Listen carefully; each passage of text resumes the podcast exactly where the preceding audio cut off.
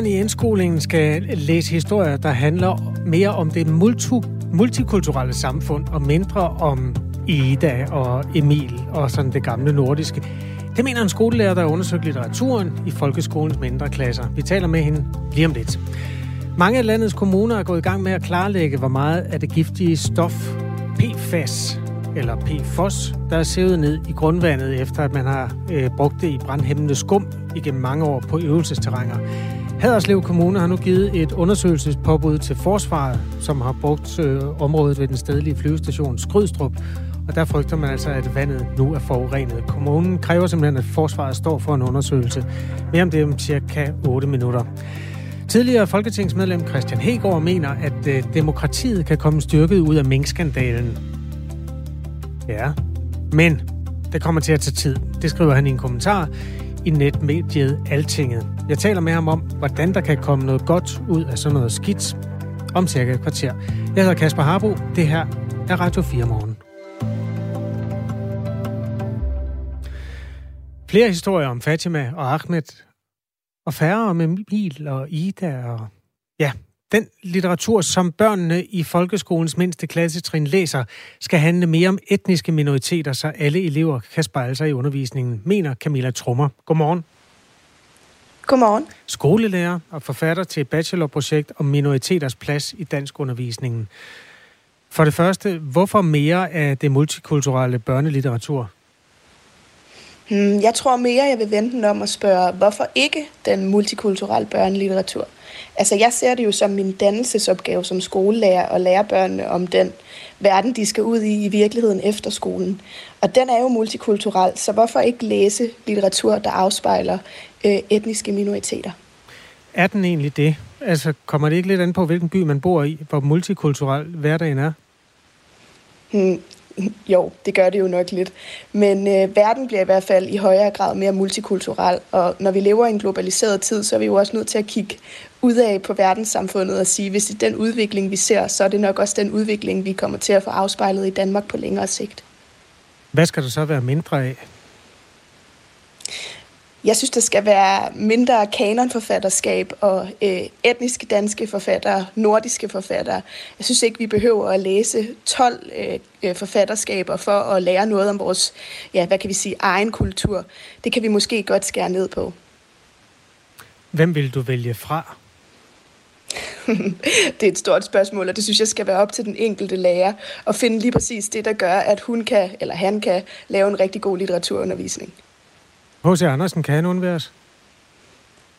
Det synes jeg jo personligt ikke. Det synes jeg kan være svært at komme udenom både ham og Ole Lund Kirkegaard i indskoling. Men jeg synes, at vi skal prioritere at få nogle øh, historier på banen, som øh, kan udvikle elevernes mellemkulturelle empati og nedbryde deres fordomme, lære dem at skifte perspektiv, i stedet for kun at, at kigge på det, vi kan kalde for øh, hvad kan sige, majoritetskulturens børn. Det her det er jo altså et øh, debatindlæg på det medie, der hedder Folkeskolen, som er lærernes øh, fagforenings... Øh, hvad, hvad hedder det? Fagblad i virkeligheden online, som Camilla Trummer har lavet. Det er derfor, vi taler om øh, den her multikulturelle børnelitteratur, som skal have en større plads i indskolingen, efter Camilla Trummers mening. Øh, vi kan lige tage lidt af baggrunden for det her, fordi et af folkeskolens formål er, ifølge folkeskoleloven, at forberede eleverne til at deltage og tage ansvar og finde ud af det med rettigheder og pligter i et samfund med frihed og folkestyre. Skolens virke skal, som det hedder, derfor være præget af åndsfrihed, ligeværd og demokrati. Der er ikke et fastlagt politisk pensum i Danmark, som børnene skal læse, men der er opsat mål om, hvad børnene skal kunne læse, når de er færdige med skolen. Øhm, og så er der en kanonliste i dansk, hvor der er krav til, at eleverne skal læse bestemte forfattere. For eksempel H.C. Andersen, som altså ikke er på vej ud. Camilla Trummer, hvad er det egentlig for en masse bøger, der, der står i kø for at komme ind, hvis det står til dig? Altså af etnisk børnelitteratur. De mest kendte, det er Iqbal Farouk, skrevet af Manu Seren. Hvad, hvad findes der ellers af, af god børnelitteratur om det multikulturelle samfund, eller med, med brune børn i hovedrollen? Altså, der findes et hav af, af god børnelitteratur. Jeg tror ikke, man kan sige, at der er et forfatterskab, der kun afspejler, nu nævnte du selv øh, historien om Iqbal Farouk, som er skrevet af Manu Seren, tror jeg. Øhm, men jeg tror, man kan sige, at der findes et helt, altså en helt, øh, en helt øh, hvad kan vi sige, brochure af god litteratur, vi kan håndplukke og, og bearbejde i vores undervisning. Altså, i, i mit projekt arbejder jeg for eksempel med det, der hedder Trylleblik, som handler om en pige, der er både flygtning. Man kan også læse Flyver på himlen, som handler om en, en pige, der sidder i sin lejlighed og kigger op på himlen og kommer i tanke om den krig, hun selv har oplevet i Syrien. Der findes rigtig, rigtig meget god børnelitteratur, der handler om, øh, om børn, som du kalder øh, brune i huden. Jeg tænker nu mere det i et kulturelt perspektiv. Ja, og jeg ved også godt, at man nogle gange øh, kommer på kant med nogle ting, men jeg, jeg ved, at vi skal tale med Manu Seren senere, og han bruger selv det udtryk, mm. så tør jeg godt. Øhm, det er bare i orden. Camilla Trummer, altså, hvad er det for nogle historier om, om de der øh, fjerne himmelstrøg, som du synes, der er brug for, at, at danske børn lærer? Altså, en ting er jo, at de børn, som kommer derfra, gerne vil kende deres egen forhistorie og kende deres, øh, hvad skal man sige, kulturelle baggrund, måske gennem dansk folkeskole. Men sådan helt etnisk danske børn et eller andet sted i Vorbasse i, i, i, i Jylland, hvor der sidder Altså en, en folkeskole, som er 98 procent helt etnisk dansk. Hvad er det, du synes, de har brug for at høre?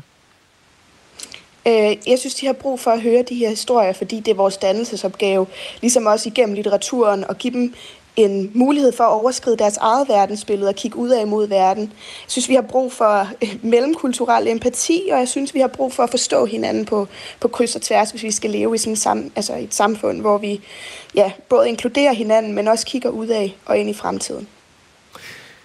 Jeg har lige en kommentar fra næstformanden i øh, Skole og Forældre, som er landsorganisation for skolebestyrelser og forældre til børn i folkeskolen. Hun hedder Regitze Spænder Ishøj hun er opmærksom på det her behov. Skolerforældre har jo, øh, har jo hele tiden ting oppe, og det her kunne sagtens være noget, som vi skal arbejde videre med.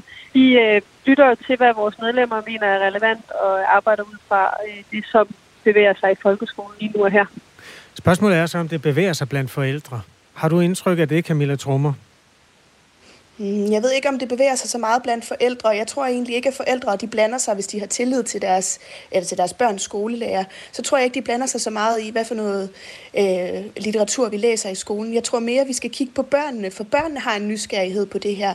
Mit projekt starter jo med et spørgsmål om, om der er krig i Ukraine, og hvad man gør, hvis folk de flygter øh, fra, fra en 9-årig pige, jeg selv underviser. Så jeg tror, det er rigtig vigtigt, at vi kigger børnenes perspektiv ind i det her, og siger, om det er dem, der er nysgerrige på det her, så er det også øh, dem, vi har pligt til at, at give den her dannelse. Jeg kunne godt tænke mig at lige vende mig en gang mere mod det geografiske. Er du sikker på, at det her behov overhovedet er så nærværende lige nu i de, de mange kommuner, hvor der er en sådan en stort set homogen, etnisk dansk gruppe børn? Er det, er det ikke mere sådan en storbyfænomen, det her? Jeg tror, det er lidt det samme som at spørge, er der behov for at lære de børn om verden omkring dem uden for deres egen by? Og ja, det er der helt sikkert. Men det gør altså, de jo også. Det er jo måske, nu synes jeg, du taler folkeskolen en lille smule ned. Mm, det er, ikke, det vil jeg sige, det, det er i hvert fald ikke min mening at tale folkeskolen ned.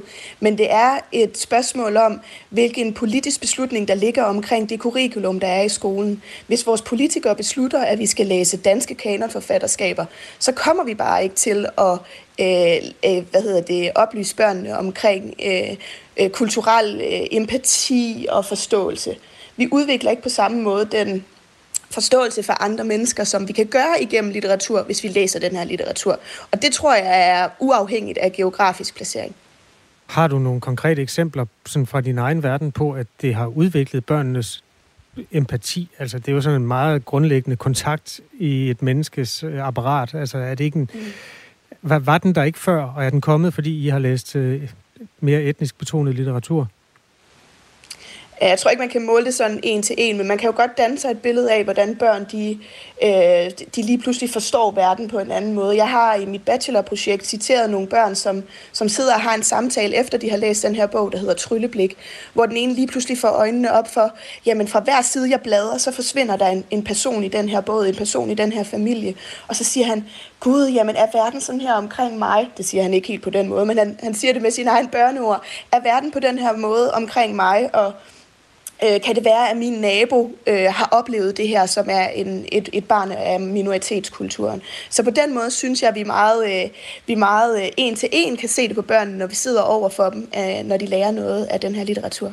Mener du, altså bare sådan en person, nu er du folkeskolelærer og har skrevet det her projekt, og, mm. men altså, du har lov at have mening om tingene. Synes du, det her det skal være noget, der kommer ovenfra til alle skoler, eller skal den enkelte skolebestyrelse have lov at tage stilling til det? Jeg synes helt sikkert, at der skal laves en politisk indgriben i det her. Hvis vi har den her litteraturkanon, som du selv nævner, øh, der, der belyser, hvad for nogle forfatterskaber vi skal læse, så kunne det også være, at vi skulle have nogle, nogle perspektiver på, hvad for nogle tematikker vi skal læse om i skolen, i stedet for, at det er forfatterskabet, der bliver belyst. Så ja, det synes jeg, og samtidig vil jeg selvfølgelig gerne, øh, ja, hvad kan man sige, værne om den enkelte lærers frihed til at vælge selv. Vil du også værne om den danske kultur, spørger en af vores lyttere? Ja, det kan du tro, jeg vil. Og det synes jeg også, at, øh, at, at vores kanonliste gør. Men måske behøver vi ikke at læse hele 12 forfatterskaber. Måske kunne vi nøjes med 10 forfatterskaber og fem temaer, vi skulle læse om i stedet for. Det mener Camilla Trummer. Tak fordi du var med her. Skolelærer og forfatter til et bachelorprojekt om minoriteternes plads i dansk undervisningen. Den giver allerede et par sms'er, den her, øh, som jeg var inde på. Emil, han stillede lige det her spørgsmål, om folkeskolen skal danne danske borgere og oplyse om vores kultur, eller om vi skal lære at videreføre andre kulturer. Det bliver der svaret på for lidt siden. Martin fra København, han skriver, børnene i homogene samfund. Og der menes altså væk fra storbyerne, hvor der er færre øh, andre øh, hvad hedder det, nationaliteter eller etniske baggrunde end dansk. Børnene i homogene samfund har godt af dannelsen. Højrefløjpartierne har deres højborg langt væk fra der, hvor problemerne i citationstegn er, skriver Martin. De her mennesker, de ved simpelthen, at man kan skrive ind til Radio 4 morgen. Jeg har ikke engang sagt dem. Det er meget velkommen med bidrag. Skriv på nummer 1424. Start en besked med R4 og et mellemrum. Nu skal vi til en historie, der desværre breder sig, nemlig PFAS-forurening. Mange af landets kommuner er i gang med at klarlægge, hvor meget af det giftige stof, der er sævet ned i grundvandet, efter at det har indgået i brandhæmmende skum, som er brugt på forsvarets øvelsesterrænger. Haderslev Kommune har nu givet et undersøgelsespåbud til forsvaret, som øh, har brugt området ved flyvestation Skrydstrup, og der, øh, der frygter man nu, at vandet er forurenet. Kommunen kræver simpelthen, at forsvaret står for en undersøgelse. Karin Storkholm, godmorgen. Godmorgen. Afdelingsleder i Miljø, Teknik og Klima i Haderslev Kommune. Øh, et påbud, det, det, hvorfor går I til det? Jamen, altså forsvaret har siden 2014 lavet øh, omfattende frivillige undersøgelser af området under flyvestation Skrydstrup. Og det gælder alle de forureninger, de har konstateret i forhold til PFAS. De har så også sagt til os i efteråret øh, sidste år, i 21, at øh, nu vil de ikke længere lave de her frivillige undersøgelser, og det har været fordi, at Miljøstyrelsen har kommet med nogle ændrede grænseværdier, som har betydet, at den undersøgelse, som forsvaret har lavet og haft afgrænset den forurening, der er derude, ikke længere viser en afgrænsning på grund af de her nye grænseværdier, som er meget lavere. De er 50 gange lavere, end de var før. Øhm, og så står de i den situation, at der skal jo laves nogle supplerende undersøgelser, og, og det vil de ikke længere gøre frivilligt. Og derfor har vi givet et undersøgelsespåbud, fordi vi er nødt til at kende det her omfang af forureningen, før vi eventuelt kan bede om øh, en oprensning. Hvilke indikationer er der på, at det er nødvendigt? Jamen, der ligger klare undersøgelser, der viser, at der er en PFAS-forurening derude. Øh, de har flere forskellige steder på området, hvor de har haft brandøvelsespladser, og det er det skum, de har brugt i forbindelse med de brandøvelser, som har givet en PFAS-forurening ned gennem øh, jorden og ned til grundvandet. Jeg riser lige op. Altså, det er jo skum fra brandøvelsespladsen ved den lokale flyvestation Skrydstrup, der har skabt forureningen med PFAS, og det har den jo gjort i mange af landets kommuner. PFAS er kunstigt fremstillede fluorstoffer, som tager lang tid at nedbryde i naturen. De er under mistanke for blandt andet at være hormonforstyrrende og kræftfremkaldende, og derfor skal de ikke indtages af mennesker. Miljøstyrelsen har fastsat skærpede PFAS-grænseværdier for blandt andet jord, drikkevand og grundvand. Og det er så ifølge blandt andet Haderslev Kommune betydet, at store dele af grundvandsforureningen, som øh, forsvaret havde afgrænset under flyvestationen, nu mangler at blive afgrænset i forhold til de nye grænseværdier. Øhm, det påbud her, hvilken mekanisme er der så i det? Altså, hvor lang tid går der, før forsvaret giver et svar på det? Jamen altså allerførst har vi kun kunne give til en del af den forurening, der er derude. Vi kan kun give til den forurening, som er opstået under den nye brandøvelsesplads. Og det er på grund af, af, af nogle juridiske teknikaliteter i, i forhold til det, vi har nu, der er jordforeningsloven, og de de gamle forureninger kan vi ikke give påbud til. Men det vi har gjort, det er, at vi har bedt forsvaret om at undersøge det fra den nye brandøvelsesplads, og der, vi har givet dem et år til dem. De har bedt om længere tid, men, men vi har kigget på, på det, der, der skal undersøges, og i forhold til at sige, jamen, i stedet for, at, at det først bliver i november 25, at, at der kommer en afrapportering, så har vi brug for det tidligere. Og derfor har vi givet dem et år, og efterfølgende tre måneder til at komme med det, vi kalder et afværgekatalog. Det vil sige en oversigt over muligheder for at, at lave oprensning. Fordi hensigten med det hele, det er, at vi skal ende op i, at der skal laves en, en oprensning. Og det er jo alt efter, hvad, hvad der teknisk er muligt. Vi har talt med Laurits Rosenlund, der bor tæt på flyvestationen Skrydstrup. Han er fødevareproducent. Han avler kartofler blat, øh, tæt på det område, som er, til, ser ud til at være forurenet. Sådan her sagde han sidste år i oktober, da vi talte med ham. Hver enkelt af os, uanset hvem man er, så er man jo ansvarlig for de der gerninger og de ting, man gør. Og, og, og, og det er forsvaret jo selvfølgelig også. Og det er jo helt klart, at hvis det er et land, som nogen bliver ramt af, om det er os eller nogen af mine kollegaer eller andre, der bor i området, det, jamen, så, så vil man jo flytte sorterpæren derhen, hvor sorterpæren skal være. Og, og det er jo nok ved Forsvars ejendomsstyrelse. Så nu er alle enige om, at det er Forsvarsministeriets ejendomsservice, der står med, det bliver kaldt sorte pære her, her i indslaget. Men hvis det haster så meget med at få renset grundvandet, øh, hvorfor gør I det så ikke selv? Altså Forsvaret har jo mange henvendelser fra kommuner i øjeblikket. Ja, vi gør det ikke selv i forhold til, at vi bruger ikke skatteydernes penge på noget, hvor der rent faktisk er mulighed for at rette påbud mod en kendt forurener. Og det er igen jordforureningsloven, der giver mulighed for, at, at man bruger det her forurener-betaler-princippet. Så, så når vi kan identificere en forurener, så er det også den forurener, der skal øh, stå for at undersøge og, og efterfølgende øh, oprense. Det, det ligger helt klart i, i den gældende lovgivning. Resten af forureningen ude under flyvestation Skrydstrup øh, vil det være enten forsvaret frivilligt går ind og gør en indsats, eller den overgår til regionens indsats, hvor de øh, vælger, øh, hvilke forureninger, der er, øh, der er mest hastende i forhold til en indsats. Sådan lød det fra Karin Stockholm, der altså fremlagde Haderslev Kommunes øh, syn på det, øh, der, altså, der ligger bag det her påbud, som nu er sendt afsted. Karin Stockholm er afdelingsleder i Miljøteknik og Klima i Haderslev Kommune. Vi havde også meget gerne haft Forsvarets ejendomsstyrelse med for at høre, hvordan man vil forholde sig til det påbud. Men der er lukket i weekenden, så vi kunne ikke komme igennem. Vi har været i kontakt med Visti Salomundsen, der er chef for ledelsessekretariatet. Han henviste til, at pressetelefonen åbner i dag kl. 8. Der er jo godt en time til. Vi skal nok prøve, øh, når den tid kommer. Hvis du vil høre mere om øh, forureningen med PFAS, så har vi på Radio 4 lavet en dokumentarserie, du kan høre i vores app. Den hedder Forsvarets skjulte forurening.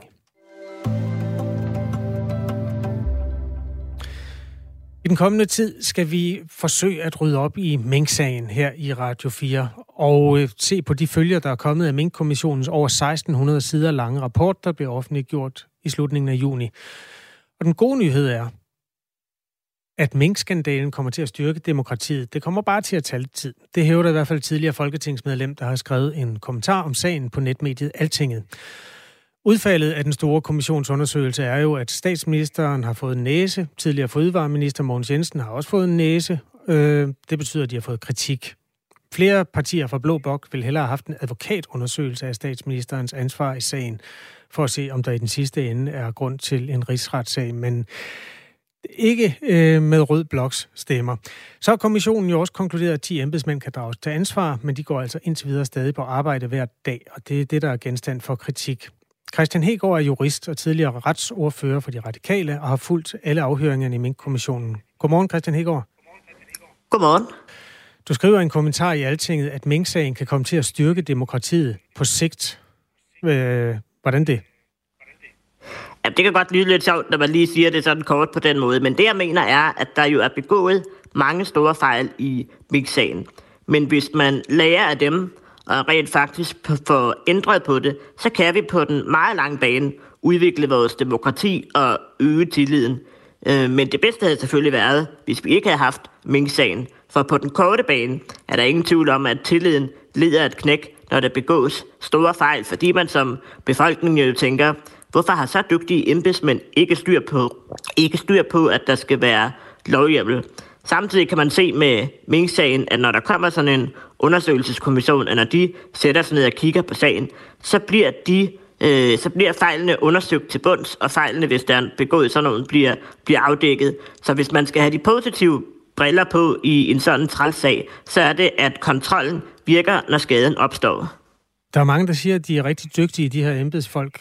Er de, altså, hvad bygger du det på, at de er dygtige, når de nu øh, øjensynligt har bort sig så forkert ad i den her sag? Jamen, i Danmark, der har vi en øh, stor øh, historie med partineutrale, dygtige embedsmænd. Vi har det her princip, der hedder øh, embedsmænd består, og min, øh, men, men ministre går. Altså, at vi øh, har den samme embedsstand siddende, uanset hvilke ministre der, der er. Og det betyder, at de kan opdyrke en øh, faglighed, øh, som går igen i, igennem årene, uanset hvilken regering øh, man har. Og øh, derfor har vi tradition øh, for, at vi i Danmark har nogle øh, rigtig dygtige embedsmænd. Øh, men, men det, det, det står altså i rapporten, Christian Hegård. Undskyld, jeg afbryder, der står simpelthen i rapporten, at de ikke har været særlig dygtige. Hvorfor holder du fast i, at de er dygtige? Det er klart, de har begået øh, fejl, og derfor øh, skal de jo så øh, nu have deres sag overdraget til medarbejder- og kompetencestyrelsen. Det er den måde, at det ligesom bliver grebet an på, når en kommission siger, at de kan drages offentligt til ansvar. Men er de så særlig dygtige? Det skal jeg ikke gøre mig til dommer over. Øh, jeg er jurist i forhold til øh, de ting, der er begået her, har overværet samtlige øh, afhøringer. Men det er klart, at i den her sammenhæng, øh, så er det ikke øh, dygtighed, der har øh, været det gennemgående, når det er, man har overset, at der skulle være lovhjemmel for, for de ting, man udfører. Du skriver i din kommentar i Altinget, at mange har stiget sig blinde på det juridiske spor, men at det politiske spor i virkeligheden er mere interessant. Altså det, der handler om, hvorvidt et politisk flertal har tillid til den, der sidder for bordenden. Mette Frederiksen. Hvorfor er det interessant? Det er fordi, når man har det, der hedder ministeransvar, så kan man virkelig opdele det i to dele. Øh, det, der hedder det juridiske ansvar, og det, der hedder det politiske ansvar. Og vi har diskuteret meget det her med advokatvurdering, grov uaksomhed altså, og så videre. Men jeg synes, vi har overset det, der har det med det politiske ansvar at gøre. Det betyder egentlig, at vi siden 1901 har haft negativ parlamentarisme, som betyder, at et flertal af Folketinget kan sådan set til hver en tid øh, vælte en minister eller sågar en regering, hvis det er, man har mistet tilliden til den. Det er der ikke nogen krav om grov uaksomhed eller andet, øh, der skal øh, til for. Hvis man eksempelvis synes, at ministeren holder med den forkerte fodboldklub, eller har øh, et forkert farve eller hvad man nu... Øh, det er selvfølgelig ikke det, man vælter en minister for, men det er bare for at understrege, at barn kan være sat øh, ret lavt. Øh, så skal der sådan set ikke andet til, end at vælte en minister for, for det. Men her kan man jo diskutere om den kultur, der gør sig gældende, når 10 så øh, centrale embedsmænd får så betydelig kritik, øh, har man så tillid til dem, der ligesom forvalter kulturen oppefra som ministre. Du er meget godt på linje med partiformanden i Radikale Venstre, øh, et parti, som du tidligere har repræsenteret på Tinge, Christian Hegård. Altså, der findes et juridisk spor, som man kunne, også med radikale stemmer, har valgt at sige advokatundersøgelse af, om øh, Mette Frederiksen simpelthen burde have kigget lidt bedre ud af forruden, da hun kørte afsted med fuld fart øh, der under coronaen. Du siger, at det politiske er vigtigere. Det lyder som om, at du faktisk synes, at det er federe, at politikerne bestemmer, end at juristerne får mulighed for at undersøge ja. tingene til bunds? Der skal man, jeg, jeg siger hverken det ene eller det andet. Jeg synes bare, at man har stiget sig lidt for blind på kun at kigge det, på det juridiske, at der findes øh, begge dele. Men uanset om man vælger at gå af det juridiske spor eller det politiske spor, så er det sådan set en politisk beslutning under alle omstændigheder. Øh, fordi det er altid kun Folketinget, der kan øh, vælte en minister. Øh, så uanset hvad, ville det ikke være juristerne, der skulle bestemme, men politikerne. Det er sådan, det fungerer. Hvis nu de politikere, hvis nu du selv sad i Folketinget nu, ville du så ikke synes, det var dejligt at have et ekstra oplyst grundlag at uh, tage stilling på, altså for eksempel en advokatundersøgelse? Det kommer jeg ikke til at gå ind i eller, eller blande mig i. Øh, det jeg bare kan konstatere, det er, at der har øh, kun to gange tidligere været nedsat en advokatvurdering på baggrund af en undersøgelseskommission. Det var i Tamilsagen, det var i øh, instrukssagen, så det er noget, man har gjort øh, meget, meget få gange. Øh, men politikere er sådan set ikke bundet af en praksis. Det er op til dem selv at vurdere, hvornår at de synes, der skal være en advokatvurdering. Jeg spørger bare lige igen. Hvis nu du selv sad i Folketinget, ville du så have synes det var rart at vide mere om det juridiske grundlag? Det kommer jeg ikke til at gå ind i. Det er dem, der sidder i Folketinget, som øh, vurderer det. Øh, og jeg er ligesom, kan man sige, mere jurist, når jeg ser og har skrevet det her i, øh, i Altinget, så det har jeg ikke nogen øh, kommentar eller bemærkninger til. Det er udelukkende en politisk beslutning, og beror derfor på os på politiske overvejelser. Det er super ærgerligt, der er nyheder nu. Det er der, øh, Christian Hegård. Tak fordi du var med, og god dag. Vi kunne have talt lidt om det her med, når du nu udråber det politiske spor til at være det mest interessante. Øh, hvorfor øh, det juridiske? Så, ja, nå, lad det, lad det ligge. Øh, man kan læse den fulde kommentar på øh, Altinget, hvor Christian Hegård som jurist og ikke som politiker, øh, tidligere valgt for de radikale, har skrevet en kommentar. Du lytter til Radio 4 morgen. Nu er der nyheder med Asbjørn Møller klokken 7.